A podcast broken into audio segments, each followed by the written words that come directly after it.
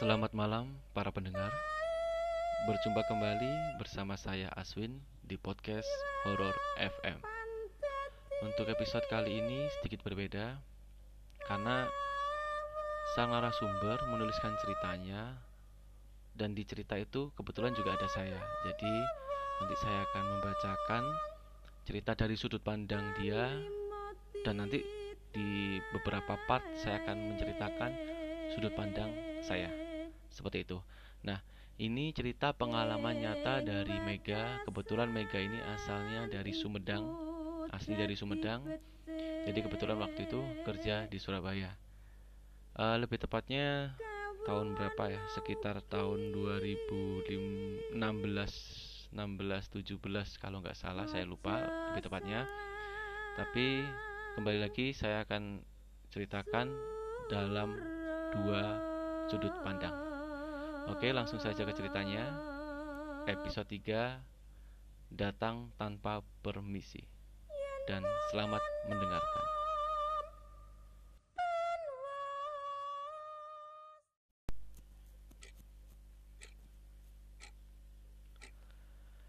Sebelum masuk ke cerita, saya akan menggambarkan denah dari bangunan tersebut. Jadi di bangunan utama itu kita masuk langsung bertemu ruang tamu. Setelah ruang tamu, di sebelah kanan itu ada dua kamar. Lurus masuk dari ruang tamu, nanti ketemu dengan ruang TV, kayak ruang keluarga ya. Di situ juga kebetulan ada fasilitas untuk karaoke. Di ruang keluarga yang lumayan luas, di sebelah kanan pojok itu ada tangga tangga untuk naik ke atas lantai dua dekat tangga juga ada satu dapur ya. Jadi dapur itu bangunan paling belakang. Sedikit menjelaskan lagi kalau kita lagi duduk di ruang televisi ruang keluarga kita melihat ke atas itu langsung kelihat. Jadi lantai dua itu kelihat gitu. Begitu juga sebaliknya orang kalau dari lantai dua lihat ke bawah itu pasti terlihat ruang keluarga dan uh, siapa pun yang berkumpul di situ gitu. Oke. Bangunan ini dua lantai dengan empat kamar plus balkon. Bisa diga, uh, digambarkan ya bisa dibayangkan. Kurang lebih seperti itu untuk denah dari bangunan tersebut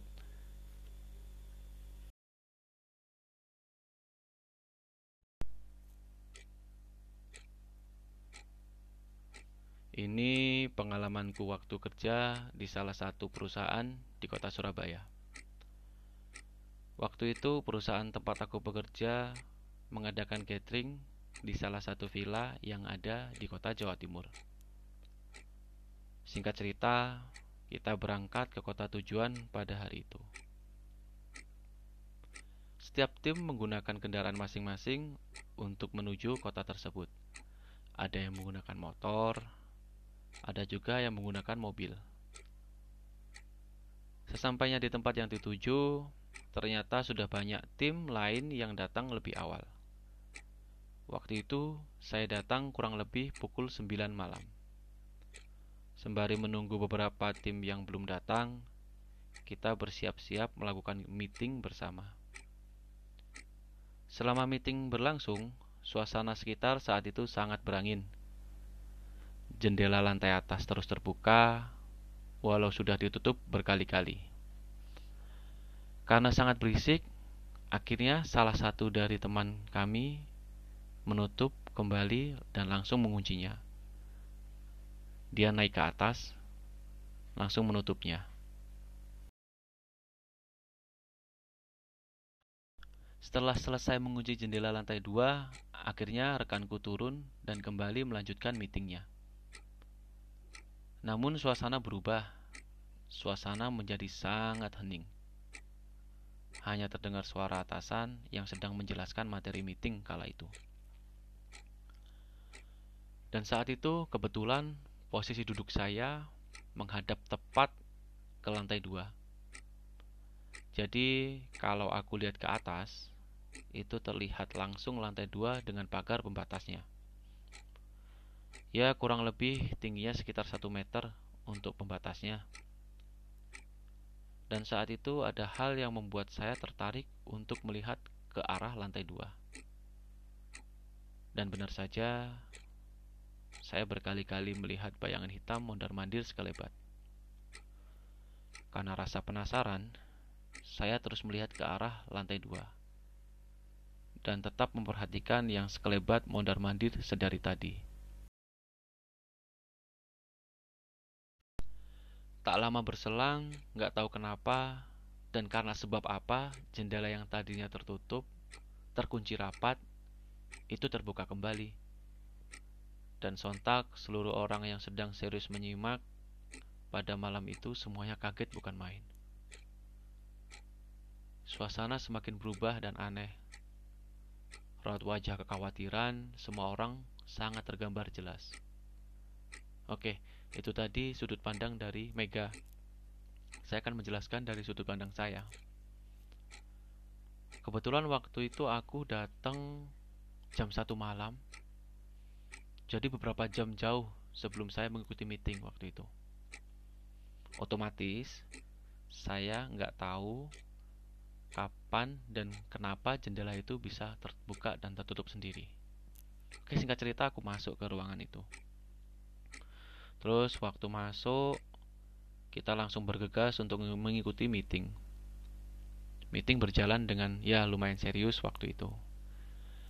Setelah meeting berjalan, nggak lama kemudian aku mendengar pintu, oh maaf apa jendela.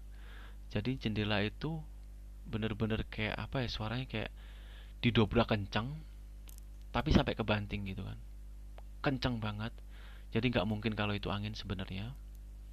Aku masih ingat dan mungkin bisa dibayangkan ya gimana gimana suaranya gitu kalau uh, jendela itu didobrak kencang dan itu jendelanya besar, otomatis satu ruangan denger banget kayak gimana suaranya. Nah, singkat cerita beberapa teman akhirnya naik lagi kurang lebih dua, dua orang naik lagi untuk menutup jendela tersebut nutupnya bukan juga sekedar nutup biasa ya karena nutupnya pasti diselot. Kasih grendel gitu otomatis kalau misalkan kena angin ya logikanya nggak mungkin kebuka gitu. Tapi waktu itu positive thinking aku sama beberapa timku gitu kan. Ya karena kita nggak tahu kejadian sebelumnya gitu. Setelah itu meeting kembali berjalan kan kembali berjalan. Sampai akhirnya singkat cerita meeting itu selesai meeting itu selesai kita akhirnya kayak apa coba quality time gitu kan sama rekan-rekan yang lain. Seperti itu. Nah sekarang kembali lagi ke sudut pandang Mbak Mega. Saya merasa suasana di villa itu sudah tidak seperti awal saya datang. Mungkin itu perasaan saya sendiri. Karena beberapa rekan sudah terlihat biasa saja saya merasa dingin dan pundak terasa berat. Saya berpikir mungkin karena saya terlalu capek dan butuh istirahat. Saya pun tidak bisa menikmati suasana gathering tersebut. Tak lama dari itu, meeting pun selesai. Beberapa rekan melanjutkan kegiatan mereka dengan santai masing-masing. Ada yang berkaraoke, rebahan, ngobrol dan bercanda. Ada juga yang masak-masak di dapur. Nah, dari sini saya akan menceritakan lagi dari sudut pandangku. Ngomong-ngomong masak di dapur, jadi di dapur ini tuh kita masuk di dapur, itu sebelah kanan ada toilet. Hampir kurang lebih ada sekitar 7 atau 6 orang yang memang rame-rame masak di dapur tersebut gitu loh. Termasuk saya, saya dan tim saya gitu kan. Beberapa emang saya ajak masuk untuk masak-masak dan beberapa kayak tiga atau dua orang itu lagi di luar gitu. Nah singkat cerita kita masak nih rame-rame kan. Rame-rame kita masak mie waktu itu. Dan kebetulan di dapur itu kami bener-bener uh, kayak bercanda yang uh, bisa dibilang kayak nggak tahu sopan santun ya kayak kita dengerin musik kencang terus kita nari-nari kita joget-joget yes kayak Evan kayak gitu kan. Bahkan yang kita putar malah musik metal gitu. Jadi ya tahu sendiri waktu itu bener-bener suara di dari dapurku uh, dapur kita tempat masak itu bener-bener kayak berisik berisik banget dengan musik metal dan kita mencak-mencak di situ sambil ngerebus mie kan kelar ngerebus mie akhirnya kita makan bareng-bareng. Setelah makan bareng-bareng setelah kelar kita merasa kenyang dan puas akhirnya kita memutuskan ke lantai dua. Kita kurang lebih ke lantai dua itu sekitar tujuh tujuh orang lah. Saya ingat saya kurang lebih tujuh atau eh, ah ya tujuh tujuh. Nah, waktu kita di atas itu kita dengar ada suara cewek kayak nangis gitu kan. Ya, waktu itu aku positif thinking, oh ya udah berarti yang nangis itu anak dari lantai satu yang tidur lagi ngigau ngelindur gitu kan. Tapi lama kelamaan kok makin kencang gitu jadi kayaknya nggak mungkin deh kalau ini bener-bener karena ngelindur gitu dari situ kita bareng-bareng ngecek keriuhan yang terjadi di lantai satu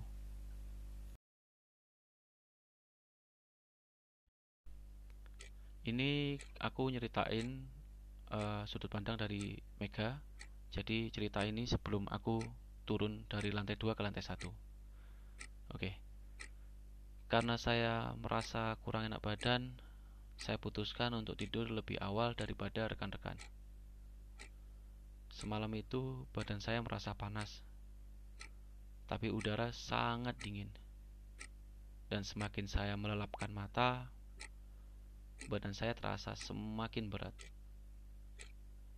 Seperti sedang ketindihan, badan saya terasa berat dan telinga saya berdengung. Padahal di sekitar saya sedang ramai rekan-rekan berkaraoke. Dan tiba-tiba tubuh saya tidak bisa digerakkan. Mulut saya tidak bisa berucap. Namun saya masih sadar, hanya badan dan mulut saya yang tidak bisa digerakkan. Tubuh saya tidak bisa dikendalikan. Semuanya kaku. Lalu saat itu saya ingin meminta tolong kepada atasan saya yang sedang rebahan di samping saya kebetulan waktu itu. Dan anehnya, ucapan yang saya keluarkan dari mulut berubah rintihan. Semakin saya minta tolong, semakin keras pula suara rintihan itu keluar dari mulut saya. Mulai dari situlah saya hilang kesadaran.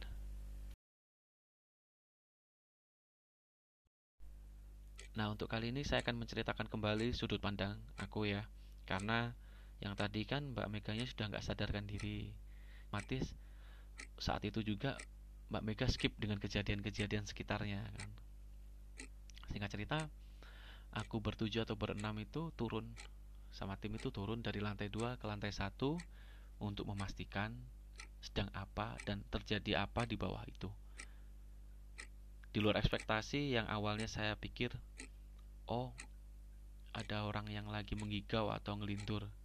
Ternyata enggak. Ternyata Mega tadi kesurupan. Dan saat Mega kesurupan ini, kebetulan saya mendekat bersama teman-teman yang lain kan, sama tim saya. Dan saya lihat ekspresi jelas bagaimana ekspresi marahnya Mega, histeris, campur kayak kesakitan dan lain sebagainya yang membuat kita sadar bahwa wah wis iki jelas kesurupan gitu semua jadi riuh suasana satu uh, villa itu yang kelihatan banget semakin takut. Jadi ada beberapa cewek-cewek yang saling pelukan gitu. Cowok-cowoknya cuma diem jadi sambil ngeliatin Mbak Mega yang sedang kesurupan. Waktu itu langsung gak lama kemudian salah satu dari teman kami bisa untuk menetralisir atau mengusir gitu mengusir uh, hantu tersebut. Tapi setelah bisa diusir, gak lama kemudian itu masuk lagi. Masuk lagi justru lebih histeris, maksudnya campur ekspresi histeris, ekspresi marah, ekspresi nangis, dan satu lagi ekspresi ketawa yang semakin terdengar menakutkan. Sambil melotot-melotot, sambil berontak, kita pegangin bareng-bareng tangan dan kaki Mbak Mega. Dan salah satu teman dari kami berusaha untuk menyembuhkan. Saat berusaha menyembuhkan, belum sampai kelar, ternyata ada dua cewek lagi yang teriak. Jelas di sini bukan teriak karena histeris atau takut, tapi teriak karena kesurupan. Saat itu atasan saya panik. Wah, gimana ini? Anak orang kan gitu. Akhirnya saking paniknya menghubungi pihak dari juru kunci. Gak lama kemudian juru kunci ini datang datang ke villa tersebut dan ikut membantu untuk menyembuhkan. Setelah prosesi penyembuhannya itu penetralisirnya pengusirannya sudah kelar, bapak itu kembali lagi, maksudnya kembali ke rumahnya ya, dan bilang, ya udah nanti kalau misalkan ada apa-apa lagi, tinggal telepon aja ya, gitu. Oke, sejenak kondusif meskipun masih takut banget. Gak lama kemudian setelah bapak itu pergi, lagi-lagi Mbak Mega ini kerasukan. Justru ini bisa dibilang kerasukan paling lama karena berkali-kali dicoba untuk keluarin ya susah gitu kayak gimana ya melakukan perlawanan yang hebat gitu. sampai pada akhirnya sedikit membaik ya meskipun bisa dibilang mungkin masih setengah-setengah ya kayak setengah Mbak Mega setengah uh, hantu setengah Mega uh, setengah Mega setengah hantu terus kayak gitu. Kadang masuk kadang hilang. Jadi kadang Mega itu diem muka datar tiba-tiba ketawa. Tapi diam tiba-tiba diajak ngomong itu Mega. Nah waktu itu bapak dari juru kuncinya memutuskan untuk tetap ada di situ gitu. Ya sudah saya temenin sampai ini pagi gitu. Biasanya kalau sudah ajan subuh mungkin udah kelar gitu. Oke lah jadi kita semua akhirnya ikut ikut membantu dan apa namanya megangin si Mega gitu. Beberapa megangin si Mega juga jagain gitu. Ngambilin air hangat dan lain sebagainya. Singkat cerita subuh sudah ini berkumandang adzan subuh berkumandang. Bapak itu kembali pulang ke rumahnya. Ya ini lumayan kondusif sih meskipun takut ya saking takutnya kita semua gak ada yang tidur mulai dari semalam sampai pagi menjelang. Singkat cerita lagi Pagi sudah mulai menunjukkan sekitar setengah enam ya Setengah enam atau jam lima Pokoknya matahari sudah lumayan tampak. Kita memutuskan untuk udahlah pulang aja gitu kan. Akhirnya pulang semua itu. Pulang semua Nah ketika bersiap-siap bergegas untuk melakukan pulang Perjalanan pulang Ternyata kaki Mbak Mega ini Tidak bisa buat diluruskan Kakinya nekuk jadi selama perjalanan itu pulang Mbak Mega di mobil kakinya nekuk terus. Nekuknya aneh gimana? Nekuknya tuh kayak uh, ke belakang gimana ya nggak bisa jelasin pokoknya nekuklah ke belakang gitu. Terus uh, telapak kakinya itu agak ke bawah gitu, gitulah pokoknya. Nah itu nggak bisa dan kata Mbak Mega rasanya itu kayak nggak ada kaki, rasanya dingin, terus kayak kebal, kayak kebas gitu kayak bener-bener gak ngerasin kalau itu ada kaki gitu kan dia dia kayak kayaknya kayak tinggal satu gitu. akhirnya kita paksa ya udahlah tetap pulang aja akhirnya pulang perjalanan pulang setelah itu melewati perbatasan. Setelah melewati perbatasan baru Mbak Mega ini cerita gitu. Doh kakiku kok lurus lagi gitu. Jadi udah tiba-tiba secara drastis itu nggak dingin nggak kaku dan bener-bener kakinya itu terasa memang bener-bener dua gitu. Kan awalnya kayak kerasa satu gitu kan bener dua. Nah dari situ ya kita semua ikut lega. Karena ya setidaknya Mbak Mega ini balik dengan keadaan yang sehat walafiat tanpa kekurangan suatu apa pun ya akhirnya salah satu dari orang e, tim kita ya rekan kita cerita bahwa memang Mbak Mega ini dimasukin dua sosok. Yang satu sosok perempuan yang teriak histeris dan ketawa-ketawa dan satunya itu anak kecil. Jadi anak kecil inilah yang memeluk kaki Mbak Mega sampai terasa dingin dan kaku. Dari situ alhamdulillah akhirnya Mbak Mega bisa meluruskan kakinya kembali dan normal seperti biasa. Meskipun beberapa jam itu ternyata dipeluk sama ya sosok anak kecil.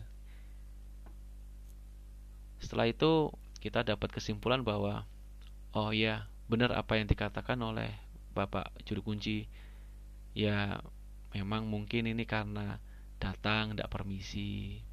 Ya setelah saya runut ke belakang sebelum kita datang pun itu kan sudah ada gangguan seperti jendela yang kebuka sendiri. Jadi otomatis uh, mungkin di awal-awal sudah nggak permisi. Dan kedua ketambahan saya dan teman-teman mungkin semakin marah. Dan sekedar info Mbak Mega ini memang gampang kesurupan. Jadi dia udah berkali-kali kesurupan otomatis di mana pun tempatnya dia berada pasti sering menarik dan mengundang minat-minat makhluk halus untuk masuk ke dalam tubuh dia. Ini bu, uh, bukan bukan bukan karena salah tempatnya ya. Ini karena memang yang pertama kita semua tidak permisi. Yang kedua karena Mbak Mega juga bisa jadi mediator ya, bisa dibilang uh, ya gitulah. Jadi jadi tempat yang mudah untuk mereka masuki gitu. Pas si Cine gak permisi si Cine sok teleponi pas. Jadi satunya bisa dimasukin satunya juga gak permisi gitu. Nah pelajaran yang bisa kita ambil ya di mana pun tempatnya itu pasti ada. Di mana pun tempatnya nggak mungkin gak ada. Itu jadi tinggal kita menghormati aja dan berperilaku sopan serta santun juga agar ya yang halus-halus itu juga nggak takut. Eh nggak apa namanya yang halus-halus itu nggak terganggu ya. Kayak gitu kurang lebih ya. Oke sekian untuk cerita episode ketiga ini. Untuk yang ingin berbagi cerita bisa send email ke podcasthorrorfm@gmail.com atau Instagram dan Twitter di podcast horror FM bisa dilihat di, di deskripsi juga. Oh ya itu jangan lupa follow juga instagramnya. Jangan lupa share juga ke insta story ataupun instagram juga di twitter bisa. Oke terima kasih banyak untuk para pendengar horror fm yang sudah mendengarkan. Sekali lagi saya ucapkan terima kasih. Dan akhir kata saya Aswin. Sampai bertemu di episode horror FM selanjutnya